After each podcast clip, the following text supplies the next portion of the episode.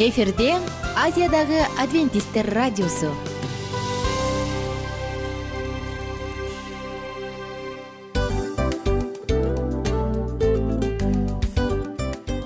Достор салют. Баардык сүйүктүү угармандарыбызга салам айтабыз. Кутман күнүңүздөр менен. Ден соолук өмүрдүн булагы демекчи саламат саамы программасында баарыңыздарды көргөнүбүзгө абдан кубанычтабыз. Анда алгач амандашып өтөлү арбаңыздар деп. Ден соолугуңуздар кандай элибизде көбүнчө ден соолук кандай дегенде эле жакшы деп жооп беребиз э? ооруп турсак дагы жакшы дейбиз. Анан мен муну айтып ойлойт элем бул абдан сонун сөз депчи анткени бул жакшы деген үмүт да э ооба баары жакшы болот баары сонун. Деп үмүттөнүп атып эле өзүбүздү өзүбүз дарылап коебуз. Анысы кандай? Сиздин дагы ден соолугуңуз жакшы беш деген үмүттөбүз чындыгында ден соолук бул өмүрдүн булагы деп бекеринен айтылган эмес деп ойлойм. Кыргыз элинде анткени эгерде ден соолук жок болсо анда адамдын жашоосунда калган баардык керектүү маңыздуу нерселер өзүнүн баалуулугун жоготуп коет. Ошондуктан ден соолук бул эң керектүү нерсе. Ооба туура айтасың кесиптешим. Чынында ден соолугуң жок бир эки үч күн ооруп калсаң эле э кандай болуп калат? Жашоодо көз каранды болуп каласың көп нерсеге жетишпей каласың көп нерсени кыла албай каласың жада калса эшикке дүкөнгө да чыга албай каласың. Туптуура анан ден соолук болсо демек биз биздин бактыбыз тотой деп койсок болот. Анда достор саламат саамы рубрикабызды баштайлы. Алдыда өзүңүзгө керектүү болгон сонун кеңештерди уга аласыздар. Мына ошондуктан биз менен бирге болуңуздар. Ал эми биз болсо милан жана айнура. Кеттик алга. Алга саламат саама ден соолуктун жарчысы. Саламат саама ден соолуктун ачкычы. Күн сайын сиз үчүн мыкты кеңештер сонун жаңылыктар кызыктуу фактылар. Биздин рубрикада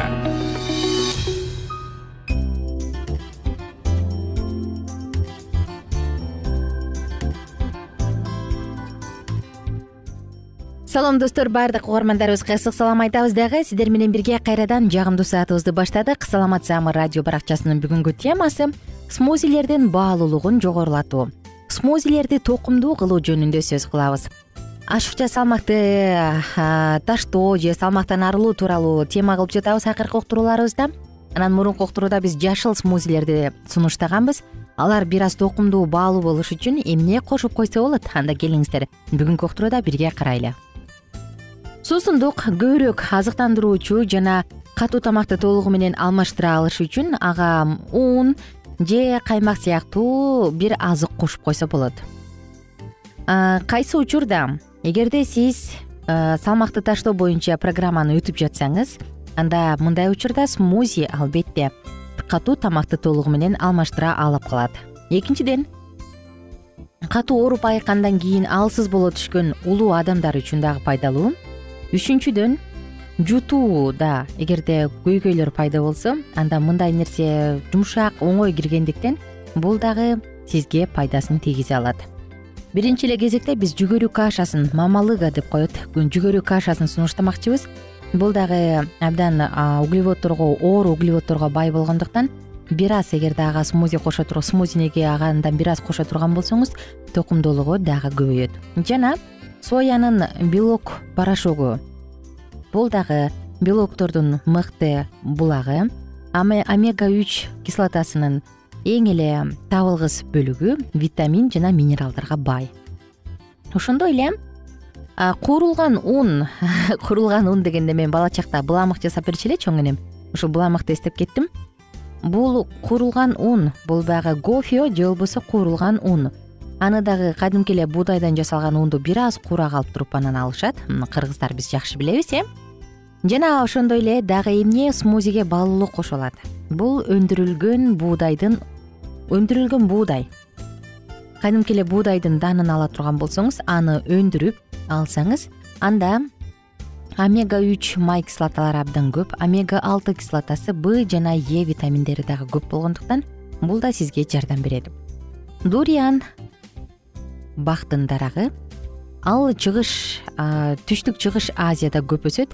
Анын жыты жаман болгону менен бирок эгерде андан ушундай азык жасай ала турган болсоңуз клетчатка жакшы май жана минералдар бай болуп сиздин йогуртуңуздубу сүтүңүздүбү смузиңиздүбү кайсынын гана болбосун баалуулугун жогорулатат. Баобаба уну баобаб деген бул эмне десеңиз бул африка багы африкада өсөт андан жемиши абдан пайдалуу жана абдан дарылоочу касиети жогору. Анын бир эле аш кашыгы ушул баобабтын аны сууга аралаштырып туруп баардык смузи сокко кошуп турган болсоңуз интенсивдүү даам берет. Андан тышкары клетчатка антиоксидант жана баалуу азыктарга байытат.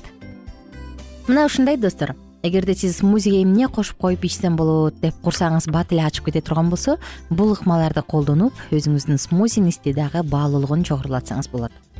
Эми жогоруда биз айта кеткенбиз э майды күйгүзүүчү соктор деп. Ушул жөнүндө да бир аз сөз айталы термогенез деген сөз бул жылуулукту иштеп чыгаруу дегенди түшүндүрөт.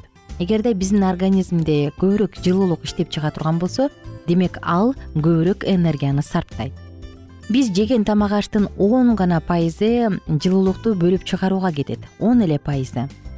Эгерде биз көбүрөөк сокторду көбүрөөк кыймыл жаса сокторду ичип көбүрөөк кыймыл жасай турган болсок бул он пайыз албетте дагы көбөйөт.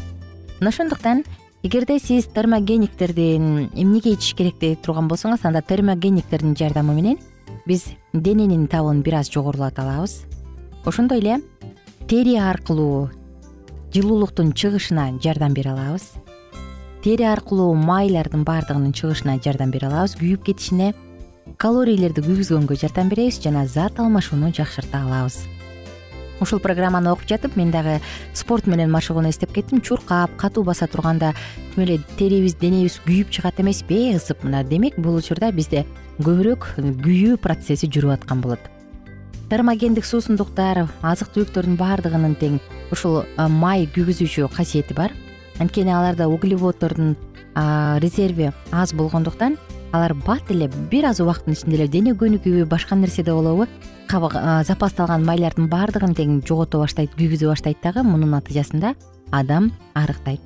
Албетте кофеинде дагы термогендик эффект бар бирок биз анын зыяндуу жактары абдан көп болгондуктан ичүүгө сунуштабайбыз термогендик же майды күйгүзүүчү соктордо грейпфрут согу кирет. Ошондой эле грейпфрут согунун катарына дагы биз кажу алмашынан же кешью деп коет эмеспизби. Кешью алмасынын ширесин дагы кошобуз. Бул кешью же кажу алмасында абдан көп касиеттер бар. Эң биринчиден майды күйгүзөт углеводдорду күйгүзөт салмакты төмөндөтөт жана оорунун ар кандай организмдин ар кандай ооруларга каршы туруусуна жардам берет анын курамы с витаминине абдан бай. Адамды сергитет. Ошондой эле анын даамы грек жаңгагына окшош мыкты. Дагы карай турган болсок респиратордук инфекция аллергия тамак оору ашказандын бузулушуна каршы дагы мыкты күрөшө алат. Дагы циклантеранын согу дагы абдан пайдалуу циклантера бул огурец же очохча деп дагы аталган ушундай бир аталышы бар. Бул болсо ашкабактардын тукумунун тукумуна кирет. Анын негизги мекени перу. Дал ушул жактан бул борбордук америкага таркалган. Аны жашылча катары дагы колдонушат таттуу болгар калемпир катары дагы колдонушат. Жана ошондой эле андан сок дагы ичсе болот жасаса болот. Мына достор дал ушул ыкмаларды колдонуу менен сиз өзүңүздүн салмакты таштоочу программаңызды жигердүү ишке ашырып алсаңыз болот. Дагы май күйгүзүүчү чөп чай кошумчалар жөнүндө бир аз сөз айтсак каркаде суусундугу райбоз же кызыл чай дагы жакшы жардам берет. Кокос сүтү кокос майы сүтү айтымбы кокос майы куродзу дагы май күйгүзүүчү каражаттардын катарына кирет достор биз сиздерге кааларыбыз. Ден соолук оорубаңыздар бар болуңуздар. Кийинки уктурууда кайрадан амандашабыз. Бүгүнкү күнүңүздөр көңүлдүү маанайда улансын.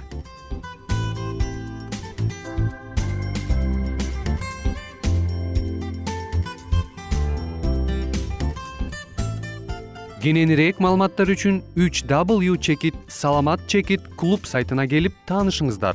Жана андан тышкары социалдык тармактарда youtube facebook жана instagram баракчаларына катталыңыз саламат саама ден соолуктун жарчысы. Саламат саама ден соолуктун ачкычы. Күн сайын сиз үчүн мыкты кеңештер сонун жаңылыктар кызыктуу фактылар биздин рубрикада.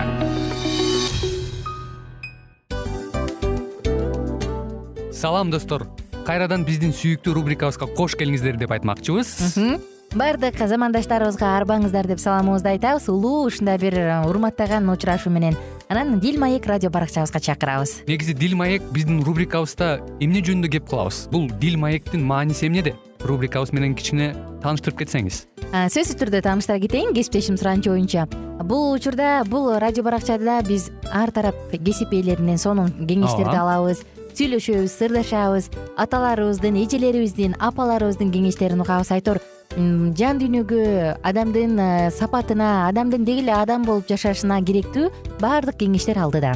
Негизи э, дил маек дегенде баягы эки адамдын ортосундагы сырдашуу кенен сүйлөшүү. Негизи эле биз адамдар бири бирибиз менен бир жерге жай жерге отуруп алып өзүнчө тынч жашоо жөнүндө өмүрүбүздө эмне болуп атканын бөлүшкөнү жакшы көрөбүз э адамдар. Ооба туура айтасың анан мындай учурга кээде убакыт да жетпей келет э. Же болбосо сырыңды кайгыңды муңуңду кубанычыңды айткың келет а адамга ишенбешиң мүмкүн. Ооба. А бул радио баракча угармандарыбыздын чыныгы досу. Анткени бизден алган кеңеш сиздин жашооңузга чоң жардам берет.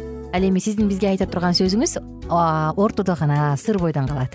Ошондуктан биздин дил маек рубрикабызга дагы бир жолу кош келиңиздер. Жана биз даярдаган маалыматтарга даяр болуңуздар. Айнура жана милан сиздер менен бирге алдыга кеттик ар түрдүү ардактуу кесип ээлеринен. Алтын сөздөр жүрөк ачышкан сыр чачышкан сонун маек. Дил маек рубрикасында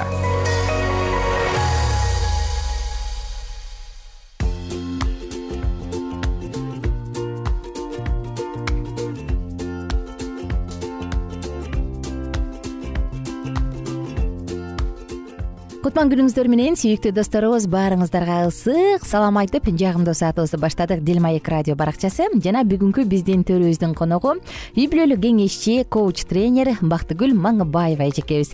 Саламатсызбы дагы бир жолу? Саламатчылык кутмандуу кеч. Бактыгүл эже бизге сонун маалыматтарды айтып берип атат э. Мен тим эле ээрип эле угуп атам анан өзүмдүн уюлдук телефонума дагы жазып атам. Абдан жакшы бул аябай сонун экен депчи.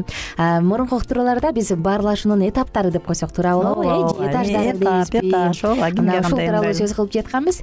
Эгер жалаң гана саясат ушак аны муну ушактамайды сүйлөшө турган болсок демек биз баарлашуунун эң эле подвалында эң мындай жагымсыз ным таза аба жок жерде экенбиз.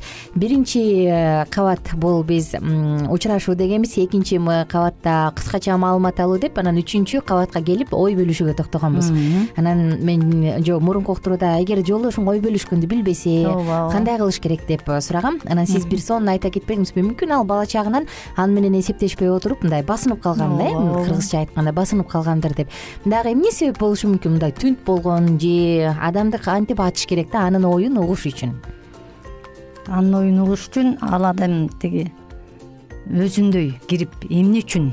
Эмне үчүн деген суроо болуп атпайбы э? Эмне үчүн деп э, коучингде жакшы суроо бар эмне үчүн деген суроо ал адам менен баарлашуу дагы эле.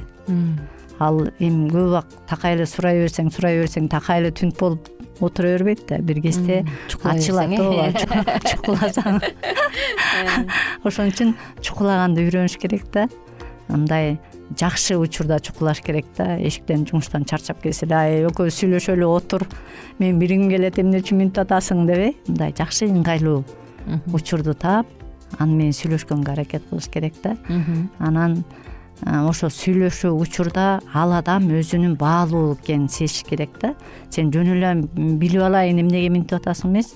Ал адам сезиш керек а мен бул жолдошума келинчегиме же ата энеме же балама баалуумун ошон үчүн ал менден сурап атат мени билгиси келип атат. Бул кызыктар деген деңгээлге жетиш керек да бизде чын ошондой сезим болгондо адам бири бирибизди сезебиз да. Ооба да. Ооба кандай маалымат эмне?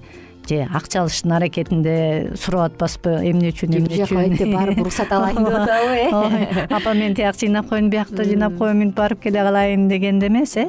Чын эле биз үчүн мен үчүн бул адам кызык. Ошо мен үчүн баалуу деген деңгээлге жеткенде ал адам ачылат аракет кылсак берекет айнура ошон үчүн жакшы аракет кылганга. Анан мен дагы өзүмдүн баягы тажрыйбаман ойлоп калам да бала кичинекей кезинде сен анын кылык чоругуна кызыгып ии деп аны менен чогуу мисалы басканды сүйлөгөндү үйрөнүп атып анан кийин мектепке окуганда тамга үйрөтүп атып кандайдыр бир деңгээлде сенде жакындык болот экен да анан бала чоңоюп өз алдынча боло баштаганда алыстап баштагандай болот экен. Бул өзгөчө баягы өспүрүм курак да э он эки он бир жаштан жогору болгон учурда балдар сенден өздөрү эле алыстай баштайбы же эмне себептен билбейм бир кандайдыр бир аралык пайда болуп калганы байкалат экен да. Мындай учурдачы өспүрүм балдар менен кантип анын ой ага ой бөлүшкөнгө жардам бере алабыз. Абдан жакшы суроо. Азыр э, балдар деле бизди сурап баягы өспүрүм э, мезгилиңер кандай өттү эле эмне деп ал убакта биз мындай өспүрүм жаш бала деген ой жок мындай бирдей эле өтүп кеткендей болчу ата энебизден переходный возраст деп э муну биз мисалы билген деле эмеспиз да. Менин ата энем айтат мен кийин элүүгө чыкканда ошо переходный возраст деген бар экенин билдим депчи. Ооба. Анысыкандай ооба азыркы балдар азыр заман башка дегенде э? Анан психологияда переходной возраст жана сен айткандай он эки он үч он төрт болчу да өспүрүмдүк. Бирок азыр он жаштан башталды кызыктуусу эрте эле он жаштан баштап анткени алардын аң сезими өзгөрөт да баягы кичинекей бала жок баарын үйрөтүп баарын билип жакшы кучактайсың өбөсүң э он жашка жакындап он жаштан ашкандан кийин алар кучакташкысы деле келбейт сүйлөшкүсү да келбейт. Алар анткени өзүнүн кызыкчылыгы пайда болот да. Э, курдаштары бар классташтары бар азыр бул телефон дегенибиз бар аякта э, инстаграм бар дагы телеграм бар эмне гана жок. социалдык баракчалар да. ошон үчүн аларга мындай азыр өспүрүмдөр эле эмес жаштарга деле чоңдорго деле мындай түрүү э орустар живой общение деп коет го. Андай кызыксыз болуп калды. А биз балдарды кичине кезинен баштап жанагы тамга үйрөткөндөн баштап дагы эле сен мага баалуусуң сен мага баалуусуң дегенди билиш керек бала түшүнүш керек. Жанагы жолдошубуз менен дегендей эле ал сенин Э, жообуң же сенин ушуга болгон мамилең мен үчүн баалуу ошону билгим келип атат дегенде орусча самооценка э анын баалуулугун билгенде бала дагы а апам эмнеге менден сурап атат муну? Ал анткени менин ой бөлүшүмдү каалайт ооба мени жакшы көрөт мени сүйөт ошон үчүн сурап атат дейт биз жөн эле орусча айтканда для галочки жөн эле эшиктен келди азыр онлайн болгондо эмне сабак окуп атат аны карап кызыкмай деле жок кайра ата эненин баары чарчады. Эртерээк мектеп ачылып окуса мугалимдерге ыраазычылык билдире баштадык э окуганда деле эчтен келгенде сурашыбыз керек. Ай кандай? Жакшыбы? А биз эмне дейбиз ай канча алдың? Беш алсам ой молодец үч алсам эмнеге деп э? Эмнеге үч алдың? Көчөбө тиги математиканы жардам бербегенибиз же английский жардам бербей бала үч алып калган менен ишибиз жок. Эмнеге үч алдың? Отличник болушуң керек андай болушуң керек мындай. Биз жактан болгон жардам анан ал бала баалуулугун өзүнүн керектигин сезсе өспүрүм убагында деле мындай четтебейт да. Ооба курдаштарынын арасында ал өсмөй энөсү болуп кетиши мүмкүн. Бирок үйгө келгенде аны менен сүйлөшкөндө баарлашканда ал эмне жашоо менен жашап атканын биз кызыгып турушубуз керек да. Ошондо балаң билет а апам мени сурап атат тиги. Мен ага кымбатмын деп э, ооба ооба тиги курбуң кайсы курбуң? Ал эмне кылат? Бош убагыңарда эмне кылып атасыңар? Кайда барып атасыңар? деген кызыктыруу бул бизде болуш керек да ата энелерде жакшы.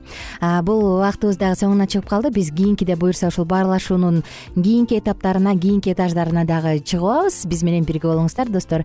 Жалпыңыздарга кааларыбыз. Бүгүнкү күндө дагы сиз менен жүрөк ачышып сыр чачышып баарлашкан адамдарыңыз болсун жаныңызда. Бар болуңуздар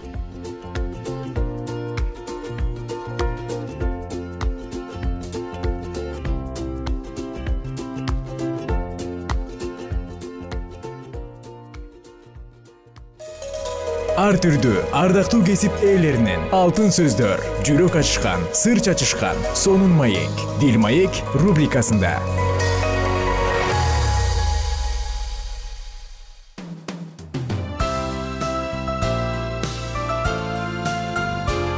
Эфирде азиядагы адвентисттер радиосу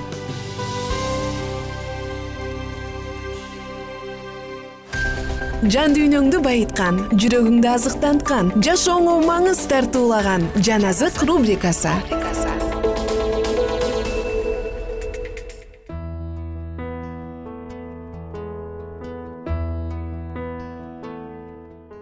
Саламатсыздарбы сүйүктүү достор. Баардыгыңыздар менен кайрадан жан азык радио баракчасындабыз. Жана сиздер менен тип жана анын шам чырагы деп аталган сонун аңгемени улантабыз байкадыбы жокпу? Айтор анын үйүндө көп нерсе өзгөрүп калган эле.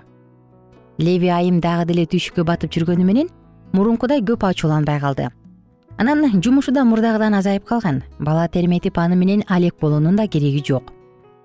Тиккенге да көп убактысы бар. Бирок ал кичинекей баласынын быйтыйган колдорун сагынып кетчү.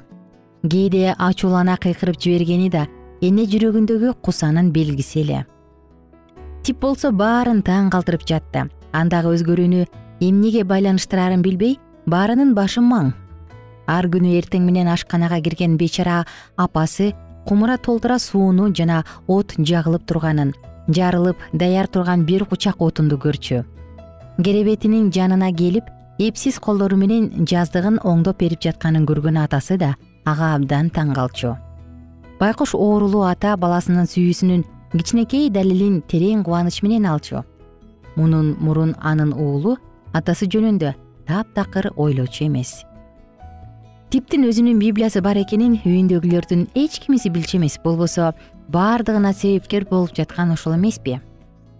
Типке жол көрсөтүп жаткан жашоодо кандай иш кылып керектигин жана башкалардын кылган мамилесин кандайча таразалаш керектигин үйрөткөн дал ушул болчу мария дагы байкесинин өзгөрүлүп калганын байкады. Анткени мурун ал керээли кечке эле марияны шылдыңдаганды жакшы көрөр эле. Эми болсо ал байкесине таң калып бүтпөйт.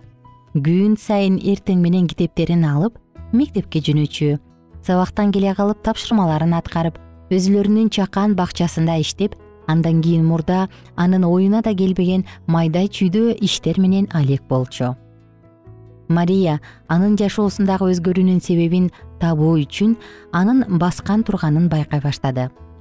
Бул жума сайын барган жекшембилик мектептеги сабактардын таасири болуп жүрбөсүн? Мүмкүн. Ошентип мария сырдын түйүнүн чечиш үчүн кийинки жекшембиде аны менен мектепке барууну чечти. Аны далай жолу чакырышкан бирок анын баргысы келчү эмес. Бирок бул ишембиде кечкурун терезенин жанында көпкөйлөнө отурган кыз апасына кайрылып апа мага ийне жип берчи деди. Ийнени эмне кыласың деди апасы мискейдеги тамакты аралаштырып жатып. Мен көйнөгүмдү жамайын дегем. Мага могу сызыкчаларга түспөлдөш напарман жип керек эле ливайым тамагын унутуп кызын таң кала карап калды. Мен сага канча жолу какшасам укчу эмес элең бу сен кандай эле көйнөгүмдү жамайм деп калдың? Мунун эмнеси таң калыштуу мен самтырап жүрө бергим келбейт шляпамдын лентасын дагы жууп үтүктөйүн дегем. Эртең жекшембилик мектепке барайын дегем. Мен алардын ырларын көптөн бери уга элекмин. Леви айым нааразы боло тамагына барды. Ал өзү дагы жекшембилик мектепке барган учур болгон. Жана ал кийимдерин өзү даярдачу эмес анткени апасы кызынын дайыма жакшы кийиниши үчүн кам көргөн. Жип шуу салынган себеттен напарман жипти алып чыгып марияга берди да көйнөгүңдү жама шляпаңдагы лентаны болсо мен тиги куртканы оңдоп жатканда кошо тигип коем деди. Эми мария апасына таң калып калды. Ал апам мага жардам берет деп эч ойлогон эмес. Жекшемби күн да келип жетти. Тип ойлонуп ары бери басып жүрдү. Ал таза жуунуп кийим кечесин даярдап койгон. Көйнөгүн кече кечинде апасы жууп үтүктөп берген эле. Баары эле даярдай бирок ал эмнегедир мектепке кетүүгө шашылган жок. Бурчта мария чай чыныыларды жууп жаткан. Тип ага көз кырын салып турган кыязы ал мария тууралуу ойлонуп жаткан окшойт. Ооба бүгүн эртең менен анын чырагын анын мойнуна жаңы милдет жүктөгөн. Бекер алдыңарбы? Бекер бергиле ушул сөздөрдү окуп жатып ал бул эмнени билдирет? дегендей токтоп калды.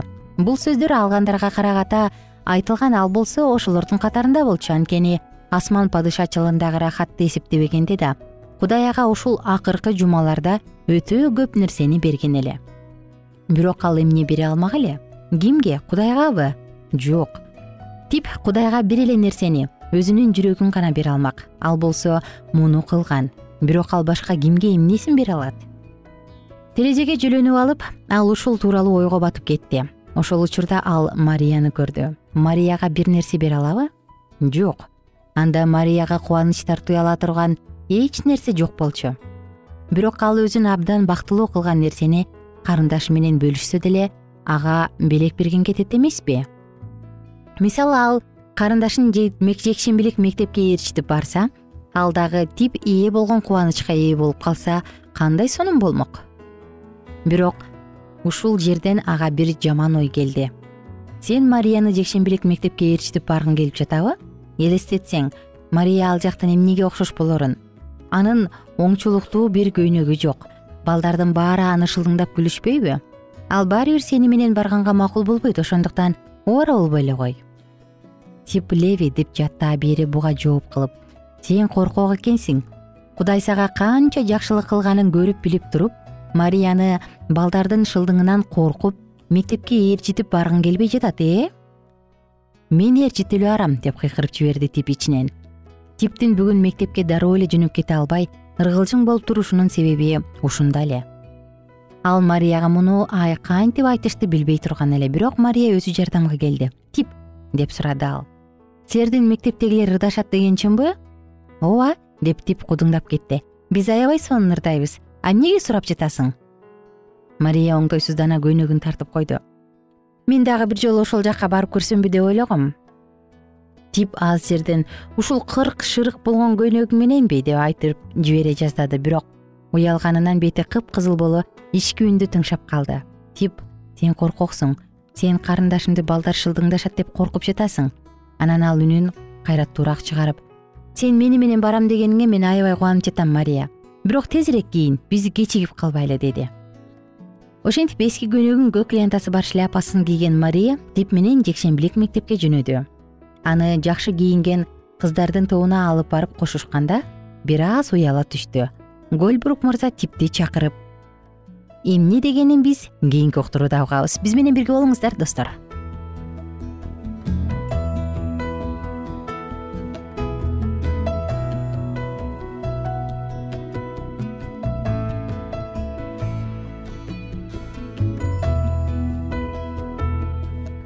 эгер сиздерде суроолор болсо же көбүрөөк маалымат билем десеңиз анда биздин whatsapp номерибизге жазыңыз. Плюс бир үч жүз бир жети жүз алтымыш алтымыш жетимиш. Кайрадан плюс бир үч жүз бир жети жүз алтымыш алтымыш жетимиш